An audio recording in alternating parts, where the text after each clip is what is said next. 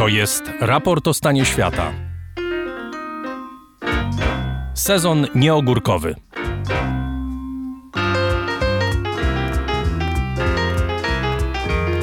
Dzień dobry Państwu, przy mikrofonie Adrian Bąk. Najpierw w lipcu, a teraz w sierpniu, w każdą wakacyjną środę zapraszamy do słuchania rozmów o kulturze, gospodarce, cywilizacji, o ciekawych ludziach i ideach, bez patrzenia na zegarek, zresztą bez jakichkolwiek granic, szczególnie tych intelektualnych. Bo sezon nieogórkowy to czas, gdy nasze mózgi niekoniecznie chcą mieć wakacje od myślenia, a wprost przeciwnie. Pod wpływem temperatur nie tracą swoich właściwości, chłoną wiedzę i są gotowe na podróże nie tylko w przestrzeni. Dziś podróż w głąb ludzkiej duszy. W kolejnym odcinku raportu sezonu nieogórkowego porozmawiamy o wolnej woli. Tak, czym tak naprawdę jest wola człowieka? Czy rzeczywiście jest wolna? A może tylko nam się wydaje, że tak jest i w gruncie rzeczy nie mamy wielkiego wpływu na naszą przyszłość? I skąd w ogóle wiemy, czego chcemy w życiu, a czego nie chcemy? O tym wszystkim powiemy dziś w sezonie nieogórkowym. Sezon nieogórkowy to wakacyjna odmiana raportu o stanie świata, programu wspieranego przez słuchaczy. Za wszystkie wpłaty z serca Państwu dziękujemy, bo właśnie dzięki nim raport może powstawać. Jeśli ktoś z Państwa miałby ochotę dołączyć do grona naszych patronów, zapraszamy na profil raportu w serwisie patronite.pl.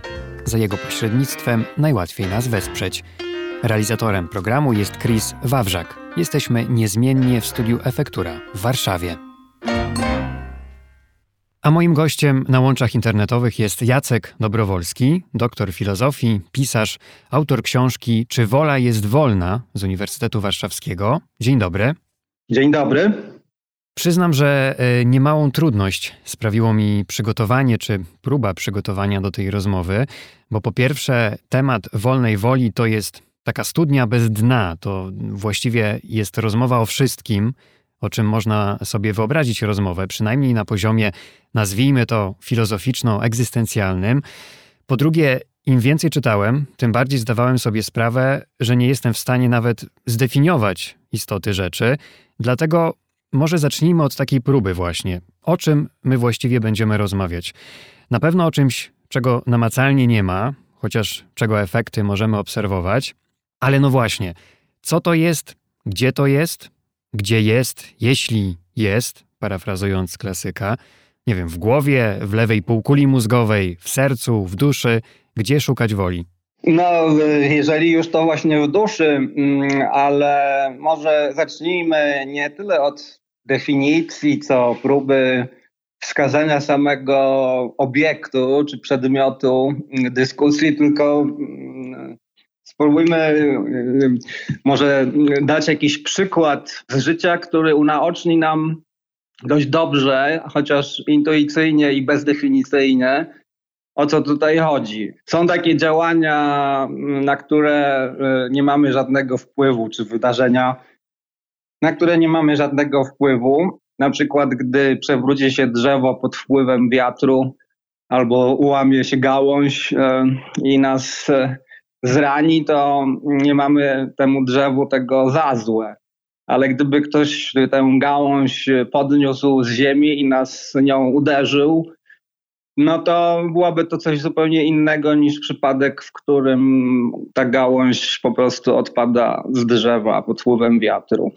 Podobnie może być tak, że mm, ktoś mnie popycha i ja wpadam na kogoś innego i w efekcie ten ktoś wpada do na przykład przepaści, albo wody, albo czegoś tam i ginie, albo znaje uszczepku, ale nie jest to moja wina, no bo ktoś po prostu mnie popchnął, więc to on jest winien. Natomiast gdybym to ja popchnął tego kogoś i on wpadłby do tej przepaści, to ja bym był winien. Także są właśnie działania, które, co do których wierzymy, że mają tak zwanego sprawcę. Chociaż y, też tutaj dopowiedzmy, że zarówno w pierwszym, jak i w drugim przypadku coś zadecydowało, że pan znalazł się w tym miejscu, jednym albo drugim, czy to przy tej gałęzi, czy to e, no właśnie w tej drugiej sytuacji, o której pan wspomniał. No właśnie i w związku z tym można wyprowadzić bardziej ogólny wniosek, że w ogóle coś zdecydowało o wszystkim, co tam zaszło. Nie tylko o tym, że ja się tam znalazłem, ale też o tym, że ktoś inny się tam znalazł i jeszcze ktoś inny, który mnie popchnął, jeżeli to ja zostałem popchnięty przez kogoś. I to, że ten ktoś ma dyspozycję do popychania mnie, to też nie jest jakby sprawa jakiegoś przypadku, tylko też o tym coś zdecydowało, jakiś szereg przyczyn, jakaś przeszłość tego człowieka, no bo nikt tak bez powodu przecież nie popycha kogoś i nie wrzuca y, i nie wrzuca do wody, czy nie powoduje wypadku. W związku z czym y, można zakładać, że właśnie za wszystkim tym stoją jakieś przyczyny. No i teraz y, kolejny wniosek z tego można wyprowadzić, że jeżeli się nad tymi przyczynami zastanowimy, a zwłaszcza nad przyczynami tych przyczyn i kolejnymi przyczynami i tak dalej, i tak dalej, to po pierwsze to się wydaje ciągnąć w nieskończoność w tym szeregu przyczyn, przyczyn i przyczyn i przyczyn i tak dalej. E, a po drugie, szybko zauważamy, że w szeregu tych przyczyn większość to są wydarzenia, na które w ogóle nikt nie ma żadnego wpływu. Żaden sprawca, który im, który tym przyczynom podlega, czy też który te, których tych przyczyn jest skutkiem, żaden czyn nie jest e, czymś, co by z jakiejś przyczyn nie wynikało. I co więcej, właśnie my na te przyczyny nie mamy wpływu. To znaczy, ktoś na przykład może mieć dyspozycję do popychania ludzi, no bo mm, no, z różnych powodów tak może być, prawda? Jest jakimś e, sfrustrowanym psychopatą czy kimś takim i e, na pewno znaleźlibyśmy jakieś przyczyny które sprawiły, że on się właśnie tak zachowuje. Przy czym... Chociaż tutaj też mówimy o pewnych zaburzeniach psychologicznych, to pewnie jeszcze odrębny temat na rozmowę, na ile nieracjonalność też y, wchodzi jakby w zakres tego w ogóle, o czym my rozmawiamy, prawda? Czy pewna patologia zachowania, taka chorobliwa. Tak, tak, tak, oczywiście. I tutaj granica jest oczywiście bardzo płynna, to znaczy nie da się wyznaczyć ściśle miejsca, w którym kończy się to, co byśmy chcieli uważać za działania z wolnej woli, a zaczyna się to, co jest y, skutkiem jakichś patologii, to znaczy wyznaczenie takiej ścisłej, ścisłej linii granicznej jest po prostu niemożliwe.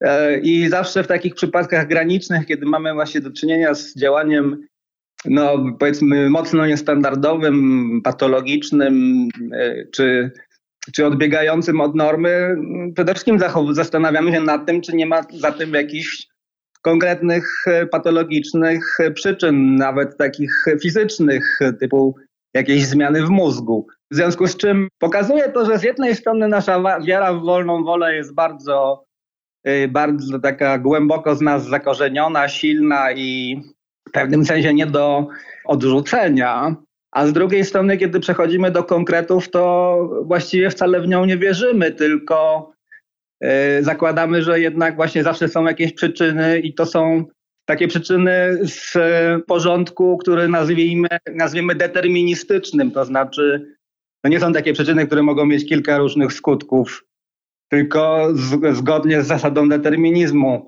Konkretna przyczyna ma konkretny jeden możliwy tylko skutek jeżeli jakiś skutek odbiega od tego, co regularnie widzimy, to znaczy, że musiała być jakaś ukryta dodatkowa przyczyna, która to sprawiła.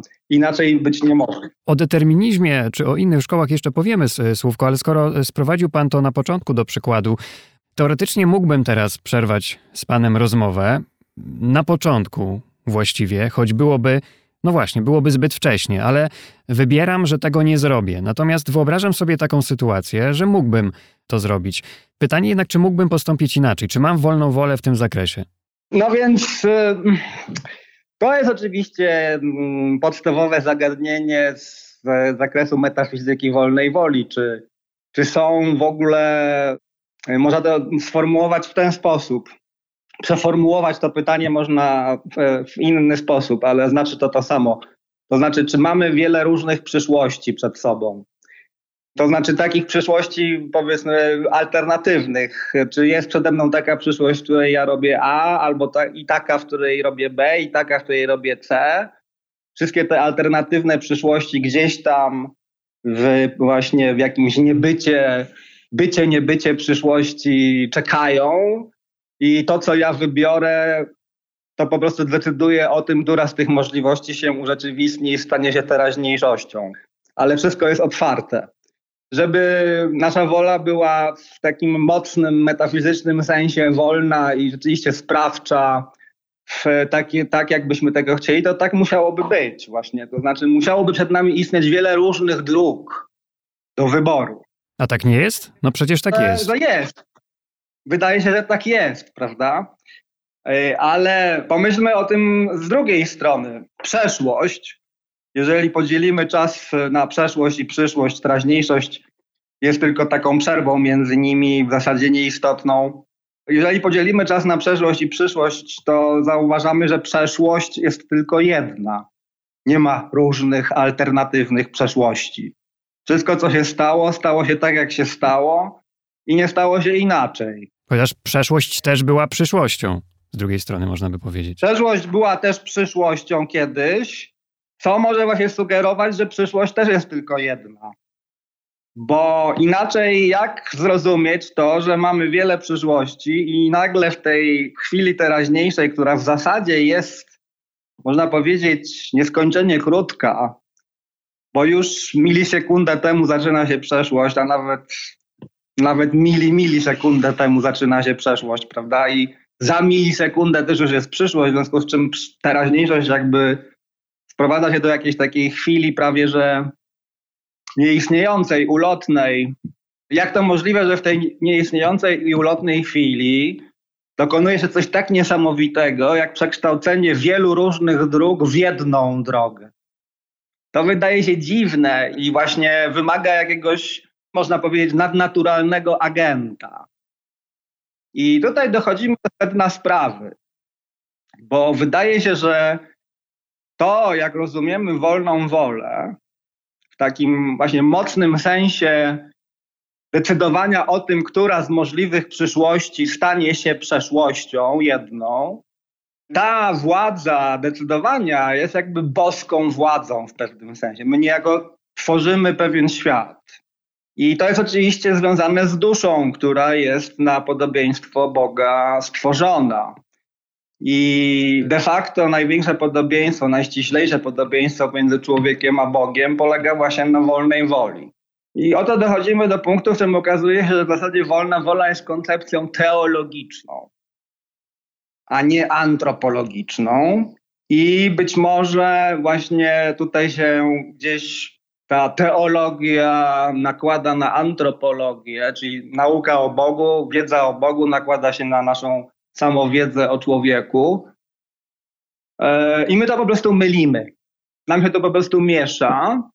E, I robimy z siebie takich małych bogów, co jest oczywiście nadzwyczaj kuszące i pociągające, i każdy chce być małym bogiem. Przynajmniej w tym zakresie swojego życia, tworzyć swój świat. Niczym Bóg stworzył cały świat, ja chcę stworzyć swój świat.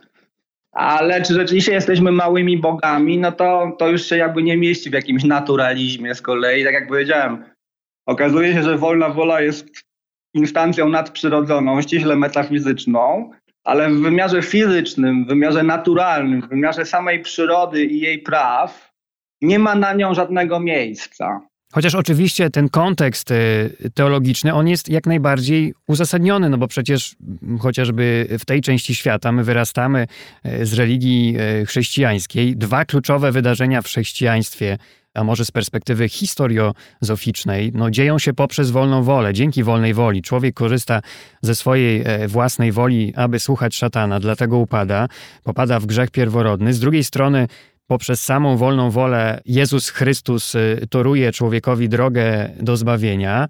I tu też się pojawia pewne pytanie, bo jakkolwiek odchodzimy dzisiaj, czy odrzucamy, czy porzucamy religię, czy religijność, odcinamy się od religii, to jednak, no właśnie, wyrastamy z tej religii i z pewnością nasza wrażliwość czy wolicjonalność jest w jakimś stopniu zespolona e, z tą tradycją, prawda? Tak jest, ma pan, e, ma pan, e, ma pan pełną rację. W pełni zgadzam się z Pana e, uwagami. To wszystko jest e, nadzwyczaj trafne i wydaje mi się, że jak najbardziej, ja bym dodał tylko tyle, że właśnie okazuje się, że wolna wola jest jakby takim rezyduum religijności. Jakąś taką, jakimś takim osadem, którego się już nie da usunąć ostatecznie.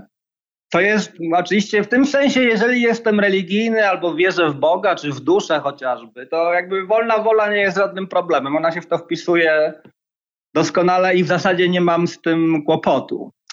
Kłopot z wolną wolą się zaczyna wtedy, kiedy ja odrzucam religię i Boga i duszę nieśmiertelną i w ogóle duszę jako jakiś niematerialny byt. Bo wtedy pojawia się pytanie, czy można mieć sumienie niezależne od chrześcijańskiego czy religijnego podejścia do wolnej woli. Sumienie to chyba można mieć, bo sumienie to coś innego niż wolna wola i wydaje się, że można je mieć, aczkolwiek oczywiście są tacy, którzy mówią, że bez wolnej woli nie ma żadnej odpowiedzialności moralnej. Co to też się wydaje logiczne, prawda? To znaczy, jeżeli ja nie odpowiadam za żadną przyczynę, która jakby doprowadziła mnie do tego, że zepchnąłem kogoś do przepaści, no to w pewnym sensie jestem niewinny, prawda? Jakby nic nie mogłem poradzić na to, kim jestem. Yy, oczywiście aż tak daleko nie chcemy się posuwać i zakładamy, że jednak człowiek może coś poradzić na to, kim jest, do pewnego stopnia odpowiada za to, kim jest. Do pewnego stopnia właśnie, tak? Wiemy, że tylko i właśnie jakby do jakiego stopnia to jest zawsze właśnie pytanie, na które nie ma odpowiedzi. I zawsze to jakoś tam negocjujemy w zależności od przypadku, od kazusu, od od stopnia winy, od stopnia szkody i tak dalej, tak. To są sprawy w zasadzie kazuistyczne dla sądów, tak naprawdę, jeżeli mówimy o odpowiedzialności karnej. Albo dla jakieś tam, nie wiem, sądów moralnych, jeżeli mówimy o czysto moralnych czy etycznych jakichś występkach, ale nie, nie, nie, nie, nielegalnych.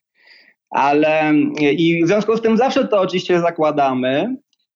Yy, I tym różni się człowiek od rzeczy, między innymi, właśnie, że że jest sprawcą, tak? że jest agentem, który, który właśnie zakładamy wybiera i robi to albo tamto, chociaż mógłby tego nie zrobić. Ale tak jak powiedziałem, z punktu widzenia czysto fizycznego, nie metafizycznego, tylko fizycznego, wydaje się, że ta koncepcja nie może się utrzymać, bo Oczywiście, że można zakładać, że jest w końcu w fizyce też probabilizm, czyli jakby wiele różnych przyszłości, ale to dzieje się na poziomie mikrofizyki i trudno powiedzieć, w jaki sposób to się łączy z poziomem makro, na którym my żyjemy. My jesteśmy dużymi, masywnymi obiektami i my podlegamy fizyce newtonowskiej generalnie. Chociaż oczywiście próbuje się znaleźć jakieś, jakieś efekty kwantowe, które czy jakiś wymiar e, oddziaływań kwantowych e, w mózgu ludzkim, a to są bardzo mgliste w tej chwili jeszcze wciąż poszukiwania i badania, które nie mają jakiegoś bardzo konkretnego i, i wyraźnego rezultatu definitywnego, ale no próbuje się jakoś połączyć e, probabilizm w mikrofizyce z działaniem mózgu i na podstawie tego połączenia, no bo probabilizm właśnie nie jest determinizmem, tylko jest takim, nazwijmy to, rozmiękczonym determinizmem, bo probabilizm zakłada, że zdarzy się to albo tamto, albo tamto z jakimś prawdopodobieństwem. Czyli nie wiadomo dokładnie, co się zdarzy, jaka będzie dokładnie przyszłość, wiadomo tylko z jakim prawdopodobieństwem się zdarzy to albo tamto. No są też egzystencjaliści, jak choćby Sartre czy Albert Camus, którzy no, wychodzą z takiego założenia, że właściwie człowiek budzi się każdego dnia, jest kimś nowym i może zrobić cokolwiek y, dusza zapragnie. Właściwie może zmienić swoje życie z dnia na dzień. Tak, tak, tak, ale egzystencjalizm to jest właśnie metafizyka taka ukryta. Egzystencjalizm nie jest naturalizmem. Egzystencjalizm nie opiera się w ogóle na nauce o przyrodzie, tak, czy na jakimkolwiek przyrodoznawczym podejściu do człowieka. I tak jak powiedziałem, tak długo jak odkładamy na bok wszelką naturę, wszelką przyrodę, prawa przyrody i, i to, i fakt, że jesteśmy ciałami pośród innych ciał fizycznymi, i że koniec końców wszystko, co robimy, wszystkie rzeczy, które, wszystkie nasze działania mają jakiś tam również wymiar fizyczny, w związku z czym dzieją się w fizycznym świecie, w którym działają prawa natury. No mało jest rzeczy, które pan może zrobić w sposób wyłącznie immaterialny. Nie wiem, pomyśleć pan może o czymś, e, pomedytować, to jest chyba jedyna rzecz, która jest niematerialna, która nie ma fizycznego wymiaru jako działanie ludzkie, a która podlega wyborowi ale już jakby pan chciał coś powiedzieć, to to już jest, to już jest fizyczne działanie ciała, więc Więc jako takie, jako tacy właśnie agenci, jako tacy właśnie dzia działający fizycznie jednak w absolutnej większości przypadków, wpisujemy się w porządek natury. I tak jak powiedziałem, tak długo jak abstrahujemy od tego faktu, tak długo wolna wola wydaje się oczywistością, ale kiedy tylko i właśnie egzystencjaliści też właśnie od tego abstrahują, dlatego powiedziałem, że egzystencjalizm to metafizyka. Egzystencjalizm jest tego, swego rodzaju, można powiedzieć, idealizmem, bo dla niego właśnie świadomość i jakby pewnego rodzaju taka czysto świadomościowa postać bytu ludzkiego jest punktem wyjścia, czyli to jest jakby właśnie taka dość, dość klasycznie idealistyczna postawa, że właśnie to, co, to, co myślę, jest jakby, to, to, co się jawi w mojej świadomości, jest jakby pierwotne. W związku z czym, tak jak powiedziałem, egzystencjaliści, tak jak pan powiedział również, egzystencjaliści przypisują człowiekowi w pewnym sensie absolutną wolność codziennie budzisz się rano i w zasadzie możesz e, zdecydować o tym, kim będziesz, albo i w ogóle czy będziesz. Prawda? Tam Camus twierdził, że samobójstwo jest podstawowym problemem filozoficznym i niejako go codziennie rozwiązujemy, bo codziennie nie popełniamy samobójstwa, czyli niejako wybieramy życie. I to jest jakiś taki nasz wolny wybór, można by powiedzieć, pierwotny, że właśnie żyjemy zamiast umrzeć. Pan zresztą też o tym pisze, że jakby człowiek zawsze wybiera bycie niż niebycie, że to jest taka naturalna, wrodzona wiara w byt, że nie jest źle być. Cytuję, ta naturalna wiara w byt, w to, że nie jest źle być, jest pierwotnym, odwiecznym, instynktownym przekonaniem, z którym przychodzimy na świat, co już w samym tym momencie naocznie widać. Tak, e, ale to jest polemika z egzystencjalizmem, bo właśnie ja tutaj stawiam tezę, że my nie wybieramy wcale życia, bo ten wybór jakby się sam dokonuje za nas. I to nie jest tak, że ja budzę się rano i myślę sobie, żyć czy nie, być, być albo nie być, jak Hamlet.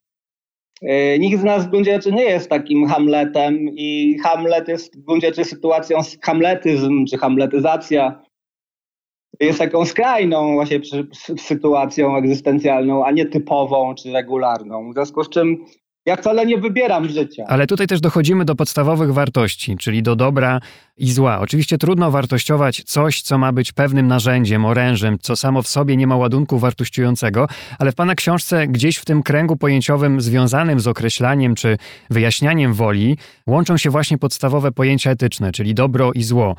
Czy wola jest bardziej zależna albo inaczej? Czy wola ma większą słabość do dobra czy do zła? To jest właściwie pytanie, zadane trochę inaczej. Czy człowiek jest z natury dobry czy zły? Często takie pytanie stawiamy, bo pisze pan w książce, i tu będzie kolejny cytat, może trochę przydługi, ale myślę, że warto to zacytować. Nie można chcieć nie być. Zawsze woli się być, po prostu dlatego, że woli się jakieś dobro. Hamlet to człowiek ostatecznie niepojęty, nawet jeśli możliwy tylko w nowoczesnych dekoracjach, i tak samo przez uogólnienie ze wszystkim innym nie można, wydaje się, chcieć czegoś z innego względu jak dobro, które w tym widzimy. Jeśli nawet pije morze alkoholu, to ze względu na jakieś dobro, które błędnie uważając w tym dostrzegam. Nie po to, aby się zniszczyć. Chyba, że w samozniszczeniu dostrzegam jakieś dobro. Kto jednak widzi dobro w samozniszczeniu, nie jest wolny, tylko obłąkany, zaburzony. A że nie można w wolny sposób wybierać bycia obłąkanym, podobnie jak nie można z wolnej woli stać się niewolnikiem, to wolna wola zawsze wybiera dobro, co najwyżej mniejsze dobro, czyli wolna wola to dobra wola, nigdy zła. Czyli z tego, tutaj już skończyłem cytat, czyli z tego mogłoby wynikać, że człowiek z natury jest dobry. Mm, może raczej tak, że człowiek e, chce wierzyć w to, że jest dobry. I to raz. Dwa, że jest jakby z natury dobry w tym sensie, że oczywiście cokolwiek robi, to w pewnym sensie wydaje się, że robi to dlatego, że widzi w tym jakieś dobro. I może się mylić i może błędnie to dobro tam dostrzegać, albo, mm, albo po prostu w jakiś tam przyczyn brać coś w oczywisty sposób złego za dobro.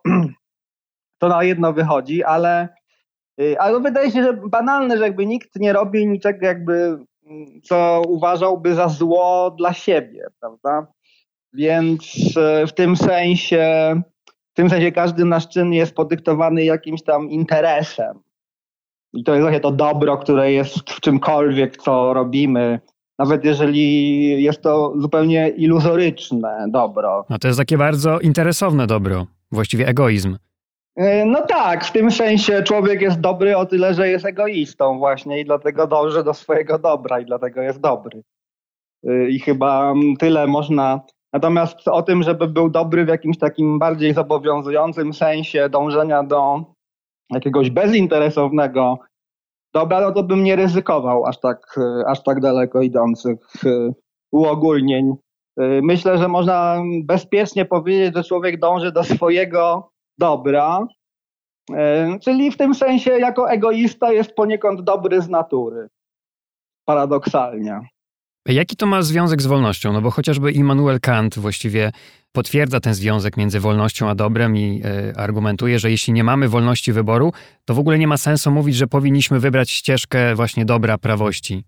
Tak, tylko że Kant oczywiście, wie pan, Kant, y, dla Kanta dobro to nie jest to, co ktoś postrzega jako swoje dobro, Y, Kant, dla Kanta dobro jest czymś obiektywnym, czymś, co może rozum ludzki, czyli rozum każdego z nas, poznać jako dobro właśnie, jako dobro w pewnym sensie bezwzględne, bezwarunkowe. Przy czym właśnie Kant mówi, że tak naprawdę najczystszym dobrem na świecie takim dobrem bez żadnych dodatkowych określeń, tylko po prostu dobrem jako takim, jest właśnie dobra wola, wola dobra, by tak rzec. Wola dobra, która dla niego jest równoznaczna z wolą wypełnienia prawa moralnego, z wolą postępowania zgodnie z tym, jak nam nakazuje y, moralny rozum, rozum praktyczny i co nam obiektywnie Y, jakby karze, tak? Czyli po prostu musimy postępować zgodnie z obowiązkiem.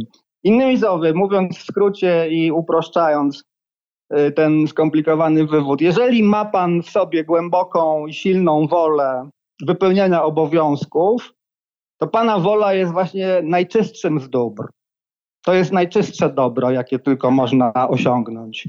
Po prostu jest pan człowiekiem obowiązkowym, wypełnia pan to, co prawo moralne nakazuje, nie ma pan żadnych od tego, co do tego wątpliwości. Prawo moralne albo, albo re religijne, bo tak trochę zawiesiliśmy tą teologię w powietrzu, ale wydaje mi się, że to też jest istotny wątek, do którego e, należałoby wrócić. I też tutaj e, jeszcze wcześniej pojawiło mi się to w głowie, takie zastrzeżenie.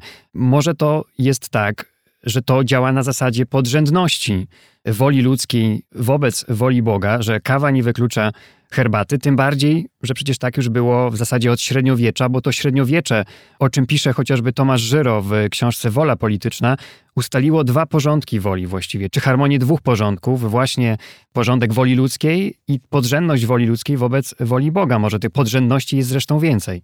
Można to oczywiście tak również postrzegać, ale skoro pan y, przywołał Kanta, to ja posłużę się tutaj jeszcze trochę jego teorią, niejako w kontrze do tego, co pan powiedział, żeby, żeby niejako, no po prostu, no jakoś nasza rozmowa miała taki charakter też bardziej e, dyskusyjny czy polemiczny. Otóż Kant by powiedział. Tym bardziej, że nie dojdziemy do żadnego wniosku i to musimy przyjąć, właściwie powinniśmy przyjąć na samym Oczywiście. początku, że to nie jest rozmowa zmierzająca do tego, że ktoś będzie miał rację, a ktoś będzie mówił nieprawdę raczej nie. Jedynie możemy ustalić, e, co jest większym, e, co jest bardziej konfundujące, a co mniej, ale chyba do jakichś ostatecznych e, prawd nie dojdziemy. Ale wracając do Kanta, bo właśnie mm, jeśli chodzi o Kanta, to mm, to jest bardzo ciekawe to, co pan powiedział o tej podrzędności woli w stosunku do woli Boga, bo właśnie u Kanta chodzi o to, że tego nie ma. Otóż jest pan wolny dlatego, czy też y, wolność Pana polega na, na, tym, że jest Pan właśnie, y, że, że kieruje się Pan swoim rozumem. Oczywiście swoim to nie znaczy swoim widzimisię. Rozum to nie jest widzimisię subiektywne, kaprys, czy ochota, czy chętka, czy, czy jakaś idiosynkrazja indywidualna. Rozum mamy wszyscy jeden, wspólny, chociaż każdy z nas na własny, by tak rzec, indywidualny sposób go używa, ale jakby ten rozum, o ile używany jest e, w sposób e, poprawny, powinien nas wszystkich prowadzić do tych samych wniosków, w sensie moralnym przynajmniej. To znaczy jest jakieś prawo moralne, obiektywne i, e, i faktyczne niejako, które jakby należy do świata metafizyki moralności. To jest metafizyczne prawo, ale ono nas obowiązuje dokładnie tak samo jak prawo przyrody obowiązuje w przyrodzie. I rozum to prawo odkrywa. Czyli Pan to prawo jakby jest w stanie swoim rozumem odkryć. I teraz, jeżeli Pan podąża za rozumem swoim, który odkrywa przed Panem to obiektywne prawo, to jest Pan wolny właśnie. Tak, na tym polega wolność. Czyli wolność, robi, czyli wolność bycia czy życia w zgodzie z sobą właściwie, o czym Pan zresztą też pisze. A to nie do końca tak musi być, bo wie pan, czy pan jest rozumem z drugiej strony, czy pan jest swoim rozumem, chociażby nawet i subiektywnie pojmowanym mocno. Nie, jest pan też ciałem, ma pan instynkty, potrzeby, pragnienia, nałogi, tysiące różnych spraw, które nie są w zasadzie sprawami rozumu. I teraz e, oczywiście filozof uważa siebie głównie za rozum i dlatego dla Kanta bycie zgodnym ze swoim rozumem to bycie zgodnym z sobą i dlatego to jest wolność. Ale wyobrażam sobie człowieka, który nie jest aż tak bardzo filozofem jak Kant, nie, nie utożsamia się tak bardzo ze swoim rozumem, a utożsamia się bardziej ze swoimi pragnieniami na przykład. Czyli taki bardziej Hobbes, czyli wiara w największe popędy. Tak jest, bardziej Hobbes właśnie. Y, Tomasz Hobbes, yy, uściślijmy, yy, żeby to nie umknęło. I jeżeli pan bardziej utożsamia się ze swoimi popędami, pragnieniami, to rozum nie jest czymś, co pan uważa za siebie, albo nie do końca w każdym razie. I wtedy ten rozum staje się takim freudowskim superego nadzorczym, który powoduje w panu poczucie winy i inne jakieś tam neurotyczne odruchy. I wcale pan nie jest w zgodzie z sobą, tylko właśnie ten rozum powoduje zaburzenia i tak dalej. Tak Trzeba być kantem właśnie, żeby uważać się wolnym tylko dlatego, że się postępuje zgodnie z rozumem ale to tak nie, nie działa chyba w, w przypadku większości ludzi. Y, Kant był dość nietypowym osobnikiem, można by rzec. Panie doktorze, miałem takiego znajomego, bezdomnego. E, Piotr miał na imię, e, on już nie żyje. On mógł być z matką, mógł mieć dom, ale świadomie wybrał życie bez domu, wybrał życie na ulicy i właściwie całe swoje życie powtarzał, że nie chce brać udziału w tym wszystkim, w czym my bierzemy udział, że jest przeciwko systemowi, że jest e, przeciwko układowi, jak to on często nazywał, że nie lubi schematów. Cenił wolność tak, jak ją rozumiał, jako niezgodę na życie w pewnym systemie norm, zakazów, po prostu w systemie kapitalistycznym. E, wolał żyć na, na ulicy, codziennie podejmował mogłoby się wydawać wolne decyzje w zgodzie z sobą, umawiał się na spotkanie, później rezygnował, nie przychodził, czasem przychodził bez zapowiedzi. Wolność to było chyba najczęstsze słowo, które on wypowiadał. Co to było, jeśli nie, nie wolna wola? A może to była wolna wola, może to nie podlega dyskusji?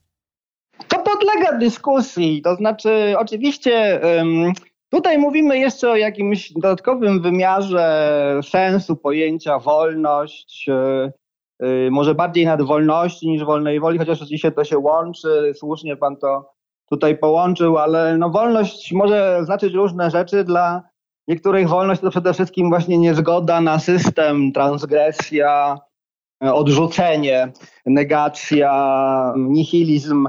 No mniej więcej od czasów y, Diogenesa, y, cynika Diogenesa, który zamieszkał w beczce i miał wszystko gdzieś i zachowywał się dość podobnie do pana, do pana kolegi. Również był e, takim mędrcem e, i filozofem ulic, ulicznym, można by rzec. E, do tego stopnia wolnym, że gdy rzekomo sam Aleksander Macedoński przybył do niego z wizytą, żeby zobaczyć to dziwo i zaoferował mu cokolwiek tylko tamten zechce, Diogenes odpowiedział, żeby Aleksander odsłonił mu słońce, bo, mu, bo, bo stanął i, i go ocienił i tylko tyle sobie od niego życzył. Więc no, można powiedzieć, że jest to przykład rzeczywiście wielkiej wolności, takiej wewnętrznej, y, być może najbardziej na swój sposób imponującej i szlachetnej. Z drugiej strony takie życie pozbawiło nas w gruncie rzeczy bardzo wiele też bardzo wiele opcji, bardzo wiele możliwości zostaje przed nami zupełnie zamkniętych, bo właśnie nie uczestniczymy w systemie. I w tym sensie mm, nasza wolność zostaje ograniczona. Nie mamy wielu możliwości, wielu rzeczy nie możemy zrobić. Nie przypadkiem pana kolega już nie żyje, być może, bo może właśnie jego negacja systemu była tak wielka, że zwyczajnie również na jego zdrowiu się to odbiło. Ale wciąż on tak chciał. Wciąż tak chciał, oczywiście, ale e, no z drugiej strony trudno sobie wyobrazić, że to jest szczęśliwe życie i że każdy z nas by wybrał tego typu życie.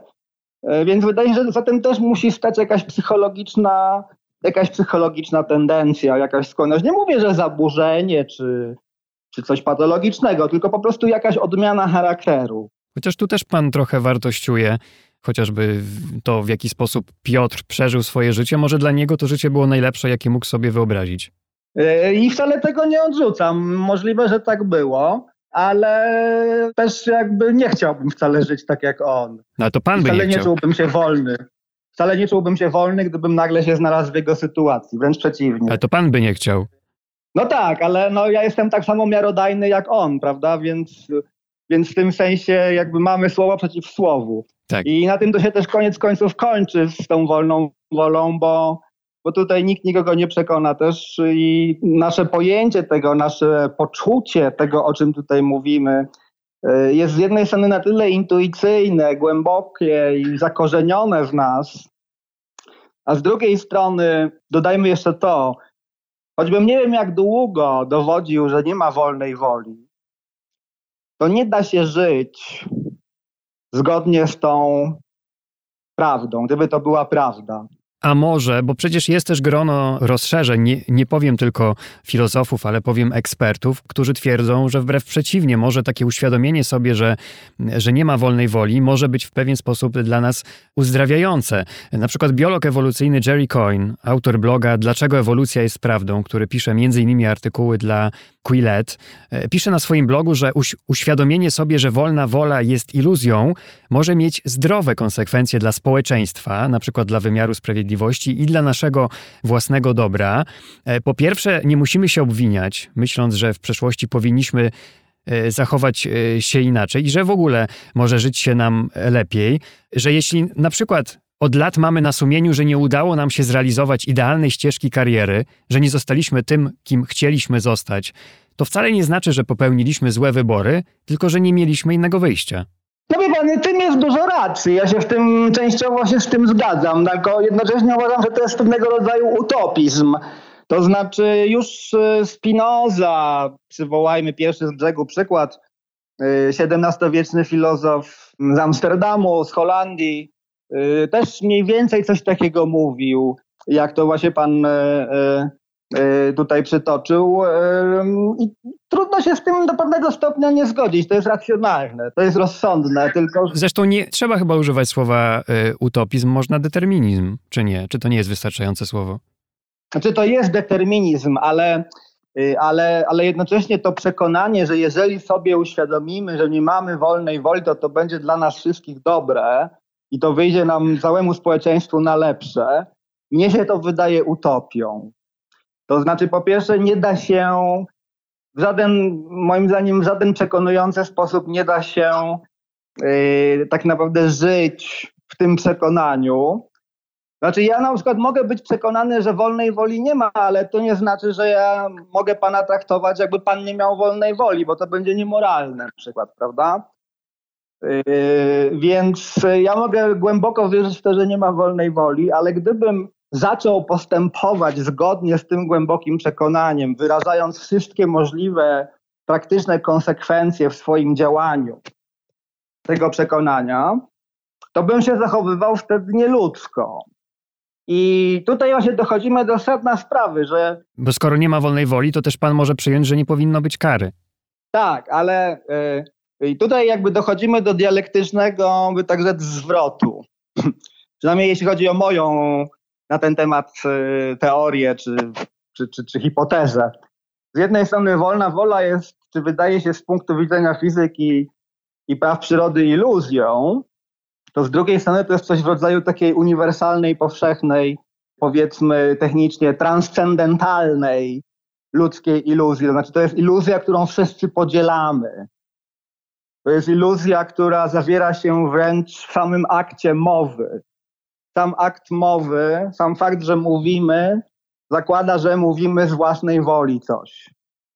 Gdyby pan mówił coś, co panu kazali powiedzieć, ale pan w to nie wierzy, to od razu byśmy to usłyszeli. Jednym słowem, akt mowy musi jakby w sobie być aktem, tak rzec, immanentnie wolnym. Ja muszę wybrać, że coś powiem, co chcę.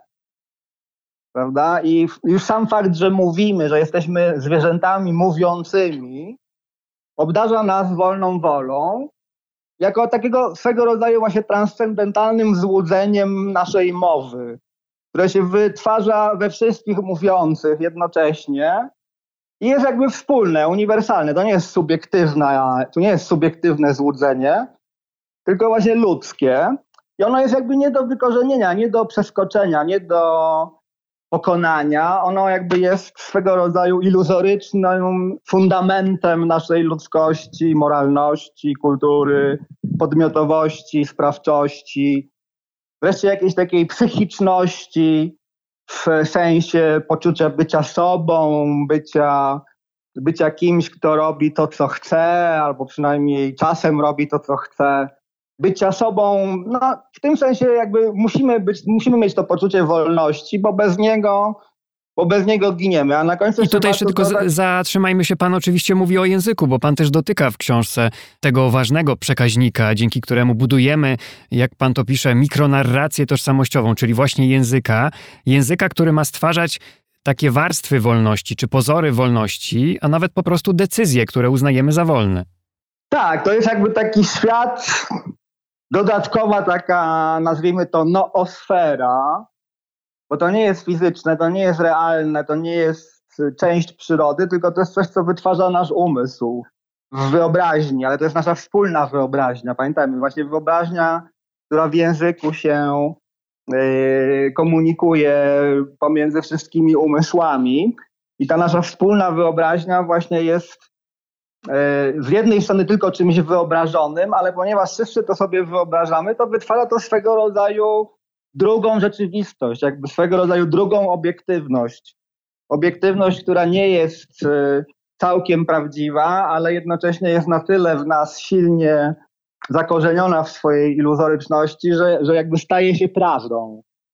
I na tym polega wolna wola, że ona jakby jej nie ma, ale jednocześnie w tym jej niebycie ona się, ona się, ona musi jednocześnie urzeczywistnić się na poziomie naszej wyobraźni zakorzenionej w mowie, E, jako właśnie zwierząt, które się komunikują między sobą, właśnie jako ludzie, którzy mówiąc do siebie zakładają, że ten drugi też mówi właśnie z wolnej woli, z własnej woli to, co chce powiedzieć, to, co ma na myśli, a nie, że jest automatem, który po prostu e, wydaje dźwięki, prawda?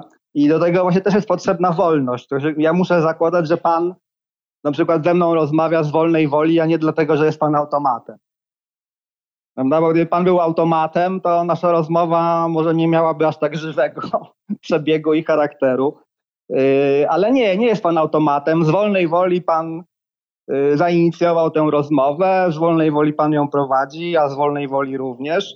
I, I gdyby tego nie było, to tej rozmowy też by nie było, więc z jednej strony wolnej woli nie ma, ale z drugiej strony ona jednak jest to fundamentalny sposób, jakby buduje kulturę. Przeprowadzając ze mną rozmowę, a ja przeprowadzając z panem tę rozmowę, też chyba obaj mamy pewną, no właśnie, świadomość, że mamy świadomość. I właśnie też chciałem, że jakby wszystko dzieje się w obrębie naszych świadomości. I chciałem też zapytać o połączenie woli z jaźnią, ze świadomością. Chciałbym tutaj e, przywołać e, takiego neuropsychologa poznawczego i autora książki No Self, No Problem, czyli można by tłumaczyć bez świadomości, bez problemu. Chrisa Niebauera. No bo jeśli się nad tym zastanowić, idea wolnej woli nie ma właściwie sensu, jeśli nie ma tej jaźni czy świadomości, jak też sugerują najnowocześniejsze badania e, neurologiczne. Ale Chris Niebauer argumentuje, że wbrew intuicji stajemy się wolni dopiero, gdy zdamy sobie sprawę, że nie ma tej jaźni, że nie ma tej świadomości, albo gdy uda nam się tę świadomość w pewien sposób e, wyprzeć, na przykład w postaci e, medytacji. E, on pisze, że przełomowe badania Michaela Gazanigi doprowadziły ostatecznie do wniosku, że jaźń jest tylko fikcją stworzoną przez mózg, a konkretnie przez lewą półkulę mózgu. Ludzie wymyślają historie, wierzą w nie i rzadko kwestionują ich prawdziwość. To właściwie można powiedzieć, że e, jest kolejny argument, który mógłby dowodzić, że nie ma tak naprawdę wolnej woli, bo ta linia narracyjna, którą tworzymy w głowie, tak ją nazwijmy, ta nitka, z którą się budzimy, która nas określa, dzięki której rozumuję, że teraz właśnie rozmawiam z panem w studiu radiowym w Warszawie, a za chwilę skończę rozmawiać i zgodnie ze swoją wolą pójdę do domu, a może wcześniej do piekarni, i że gdy się obudzę, to mam pewien schemat działania narzucony, że to wszystko powstaje w mózgu, to rzeczywiście może być argument. Jak to filozoficzne podejście ma się do tego neuropsychologicznego? No, y, one się oczywiście łączą ze sobą, bo filozofia wolnej woli jest w dużej mierze, y, y, zwłaszcza dzisiaj, opiera się na badaniach z tego właśnie obszaru działania, funkcjonowania mózgu. Chociaż pan powiedział, że to jest dusza, a nie mózg. Nie lewa półkula mózgowa na samym początku rozmowy. No tak, tak, oczywiście, bo tak jak powiedziałem, jeżeli przyjmujemy, że mamy duszę jako pewnego rodzaju niematerialny i niezależny od ciała metafizyczny podmiot, no to doczepienie do niego wolnej woli nie jest żadnym problemem. W zasadzie to jest logiczne i spójne, prawda? Ale wtedy mamy tego mikroboga właśnie. Jeżeli nie chcemy się zamienić w mikrobogów, tylko chcemy pozostać na ziemi, to musimy jakoś pogodzić ten wymiar y, umysłu, wymiar y, subiektywności jednak z wymiarem obiektywnym, z wymiarem cielesnym. Na tym polega cały problem, o którym mówiliśmy. Ale to można sobie w bardzo prosty sposób wytłumaczyć. Można powiedzieć, że wola to jest zdolność ludzkiego umysłu. Podobnie jak inne zdolności ludzkiego umysłu, jak zapamiętywanie, wyobrażanie, przewidywanie skutków, no od tego się aż tak nie kwestionuje. No tak, ale to jest jakby zdolność, to nie jest wyłącznie jakby umysłową zdolnością. To znaczy zapamiętywanie to jest coś, co robi umysł, ale tak w obrębie samego siebie. Okej. Okay. Natomiast, y, natomiast wola dotyczy rzeczy, które jakby nie są w obrębie umysłu, tylko poza nim, prawda? I na tym polega cały myk. Tutaj oczywiście dochodzimy znowu do dualizmu psychofizycznego, prawda? No bo wola jest jakby czymś psychicznym, ale jej skutki są najczęściej fizyczne, że więc w gruncie rzeczy problem wolnej woli to jest w jakiś tam sposób przeformułowany problem dualizmu psychofizycznego, czyli problem duszy i ciała, czy umysłu i ciała i tego, jak te dwa się ze sobą łączą i komunikują. I ta sprawa też jest do dzisiaj nierozstrzygnięta i prawdopodobnie nierozstrzygalna. I dlatego być może wolna wola też jest jakby jako właśnie, jak się okazuje na końcu, w gruncie rzeczy ta sama kwestia, tylko inaczej sproblematyzowana pod innymi pojęciami, ale w gruncie rzeczy, w gruncie rzeczy chodzi właśnie tak naprawdę o to, jak ciało i dusza, czy też ciało i umysł są ze sobą połączone y, i jak właśnie to, co psychiczne może wywierać efekty na to, co fizyczne. Gdybyśmy znali odpowiedź na to pytanie, to też znalibyśmy tym samym odpowiedź na pytanie o wolną wolę. Dobrze, panie doktorze, o jeszcze jedno złożenie czy sformułowanie chciałem zapytać, które pan też wymienił podczas tej rozmowy. Co najmniej jeden raz, a przynajmniej raz y, to zapamiętałem, bo gdzieś równorzędnie do formuły wolna wola jest też złożenie siła woli albo słabość woli. E, od XX wieku właściwie zaczyna się coraz częściej pisać, mówić o zjawisku słabości woli, czy słabości wolnej woli. Na co wpływ, tutaj się jeszcze odwołam do, do książki Tomasza Żyro, Wola polityczna ma odczarowanie świata. Pan się zgadza, że coraz trudniej dziś o silną wolę i właściwie z czego to wynika? Co z tym odczarowaniem świata? Może my jednak bardziej siebie od, odczarowujemy niż sam świat zewnętrzny? Hmm. Tutaj e, kwestia do zastanowienia. Nie mam takiego gotowego no to mm, jakiejś gotowej teorii. Tak na szybko to mm, powiedziałbym, że musiałbym się dokładnie zastanowić, jaki jest związek pomiędzy odczarowaniem świata a sił, osłabieniem albo siłą woli, chociaż w takiej tradycji bardziej konserwatywnej antropologii, której największym chyba mistrzem był Fryderyk Nietzsche, no niewątpliwie jest taka myśl, że właśnie nowoczesny świat y, uczynił człowieka słabym, właśnie jeśli chodzi o, o, o słabość woli. Dlaczego? No tutaj oczywiście tutaj przyczyny są złożone i to jest dość długa opowieść, dość długa narracja, no ale mówiąc w największym skrócie, nowoczesny świat jakby pozbawia nas rozmaitych wyzwań naturalnych, naturalnych przeszkód i naturalnych y, szorstkości życia, życia i jakby wygładza nam świat, zabezpiecza nas przed najgorszym przed najgorszymi zjawiskami naturalnymi. Na tym polega cywilizacja, że jesteśmy coraz bardziej szczelnym kokonem e, odseparowani od natury, ale jednocześnie ta separacja... Że nie lubimy wychodzić z tak zwanej strefy komfortu. Tak jest, no i ponieważ nie lubimy wychodzić ze strefy komfortu, to to osłabia naszą wolę, ponieważ nie konfrontujemy się z rzeczami, które by nas wzmocniły, jeżeli nas nie zabiją. Ta narracja należy do nurtu antropologii konserwatywnej która generalnie odrzuca człowieka nowoczesnego właśnie jako człowieka słabego, jako człowieka, e, jako człowieka, nie wiem, bez wartości, bez właściwości i tak. E, oni, oczywiście ci wszyscy reprezentanci tej konserwatywnej antropologii mają jakieś swoje racje i argumenty, ale czy rzeczywiście można powiedzieć o człowieku nowoczesnym, że jest aż taki słaby? No w końcu wybudowaliśmy elektrownie atomowe, wybudowaliśmy niesłychane instalacje mocy i, i energii, o których się żadnej innej epoce nie śniło. W pewnym sensie mamy największą moc, jaką tylko moglibyśmy chcieć mieć. E, nikt nie był tak mocny jak my, jak dzięki naszej cywilizacji, więc to, tę opowieść można równie dobrze opowiedzieć na odwrót. E, I wcale nie jestem przekonany, czy, czy się nowoczesność i, i postęp cywilizacyjny czynią człowieka słabszym. Chociaż tutaj też y, jako kontrargument można by chociaż podać kulturę korporacyjną, w której dominuje hierarchiczna sieć nie tylko stanowisk, ale też zadań czy obowiązków, która właściwie jest wykluczeniem takiego podejścia wolnościowego. Z drugiej strony ona właśnie przeżywa kryzys, bo te nowe pokolenia właśnie nie chcą pracować za dużo, wyłamują się z tych schematów, y, w których wcześniej pokolenia funkcjonowały. Więc to też jest bardzo płynne. No tak, tak. Oczywiście to jest, yy, oczywiście to jest płynne i z drugiej strony, czy nie wiem, czy, czy w XVI wieku, gdy mógł pan być albo, nie wiem, rycerzem, albo chłopem, albo, albo, albo księdzem, to nie tylko, że pan miał, nie, nie chodziło o to, że pan miał taki wybór, bo to nie był żaden wybór, tylko po prostu pan nim był albo, albo nie był tym, albo tamtym. Czy wtedy człowiek miał więcej wolności, czy ten rycerz XIV-wieczny na Rumaku to był naprawdę jakiś e, dla nas reprezentant wolności, albo nie wiem, jakiś japoński samuraj. No japoński samuraj potrafił z powodów honorowych odebrać sobie życie. To jest na swój sposób akt e, wolności woli niesłychanej, prawda? Bo postąpić wbrew własnemu instynktowi życia, zabić się świadomie i to właśnie z powodów czysto moralnych, honorowych, to jakby wydaje się naj, jakby nieprawdopodobny wręcz dowód wolności woli.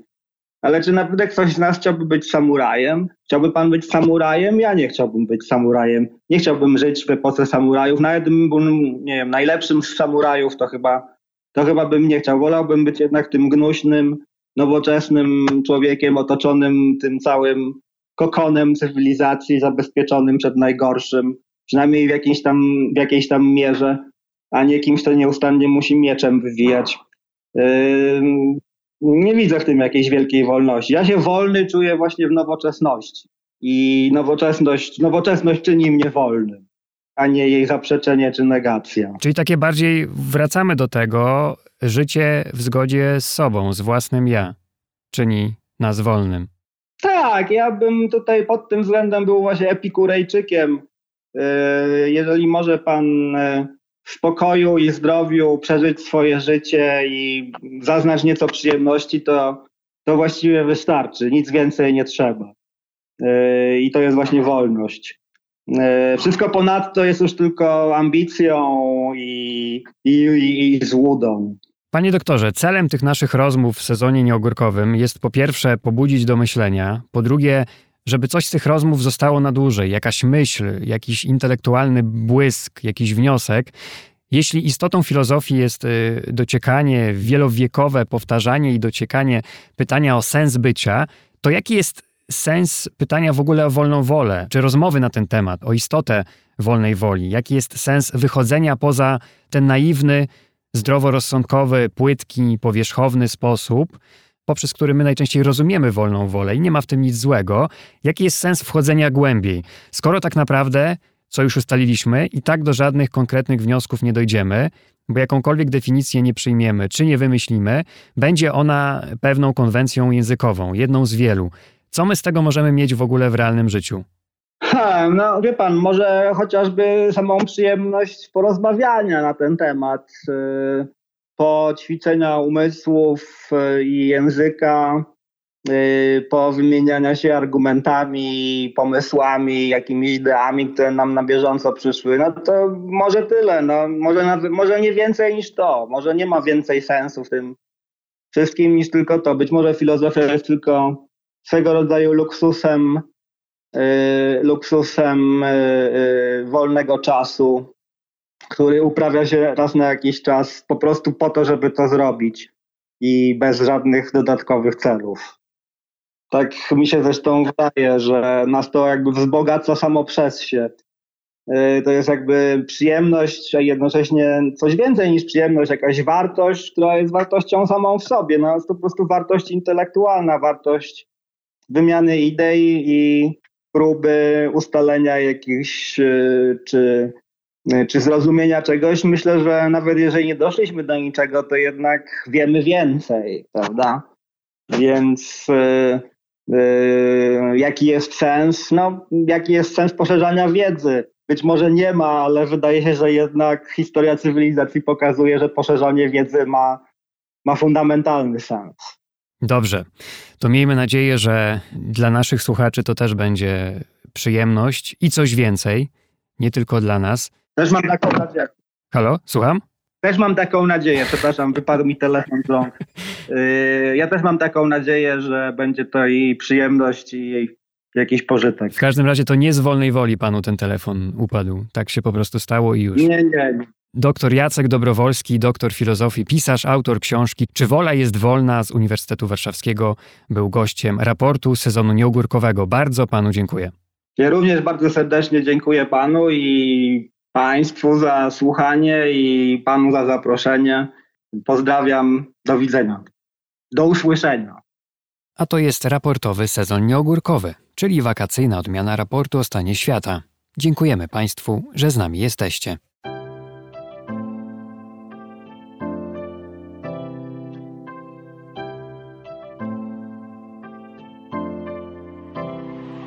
Raport o stanie świata od marca 2020 roku rozwija się dzięki Państwa zaangażowaniu i szczodrości. To dzięki Wam możemy opowiadać o świecie przy pomocy dźwięków. Dzięki Wam ten program jest przygotowywany w profesjonalny sposób z zachowaniem najwyższej jakości, bo na nią właśnie zasługują słuchacze raportu o stanie świata.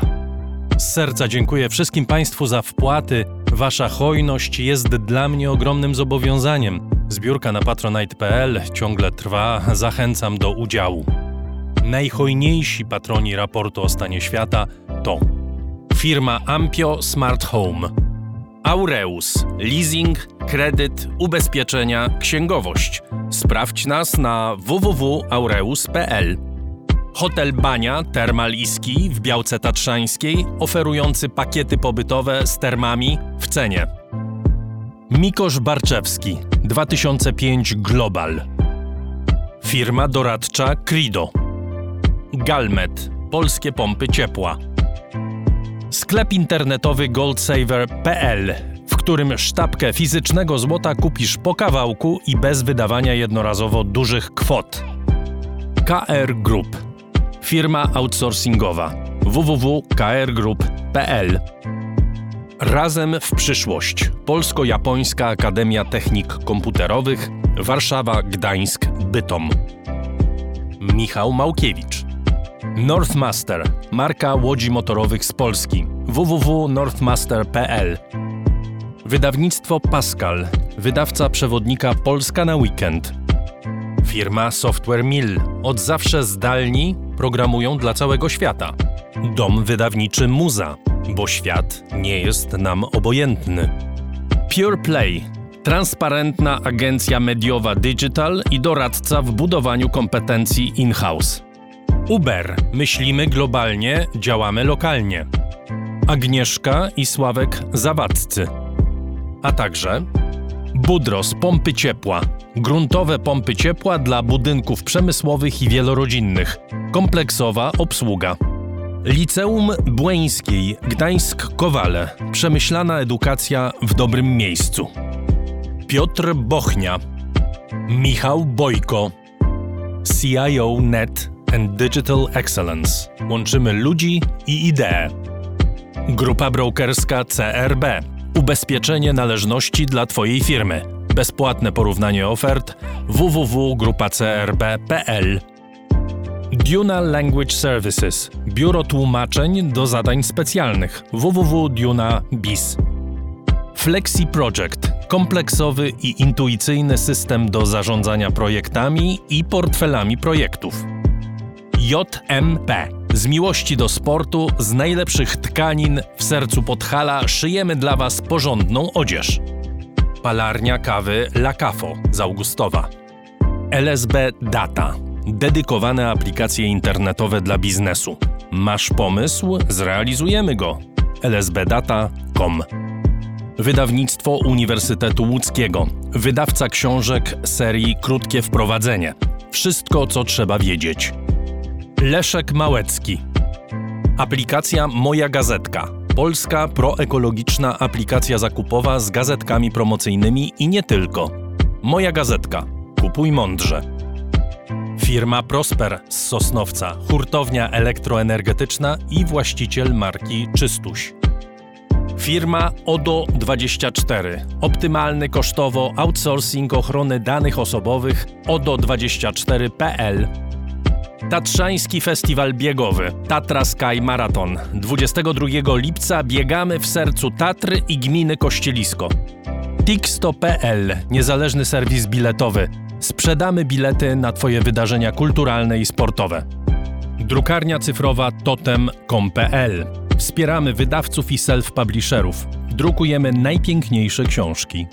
Fundacja Wasowskich, opiekująca się spuścizną Jerzego Wasowskiego i wydawca książek Grzegorza Wasowskiego. Szczegóły na wasowscy.com. Michał Wierzbowski. Wayman oprogramowanie wspomagające firmy inżynieryjne w zarządzaniu projektami, stworzone przez polskich inżynierów dla sektora projektowego. www.wayman Software. Zen Market pośrednik w zakupach ze sklepów i aukcji w Japonii. Zen Market JP. Dziękuję bardzo. To dzięki Państwu mamy raport o stanie świata.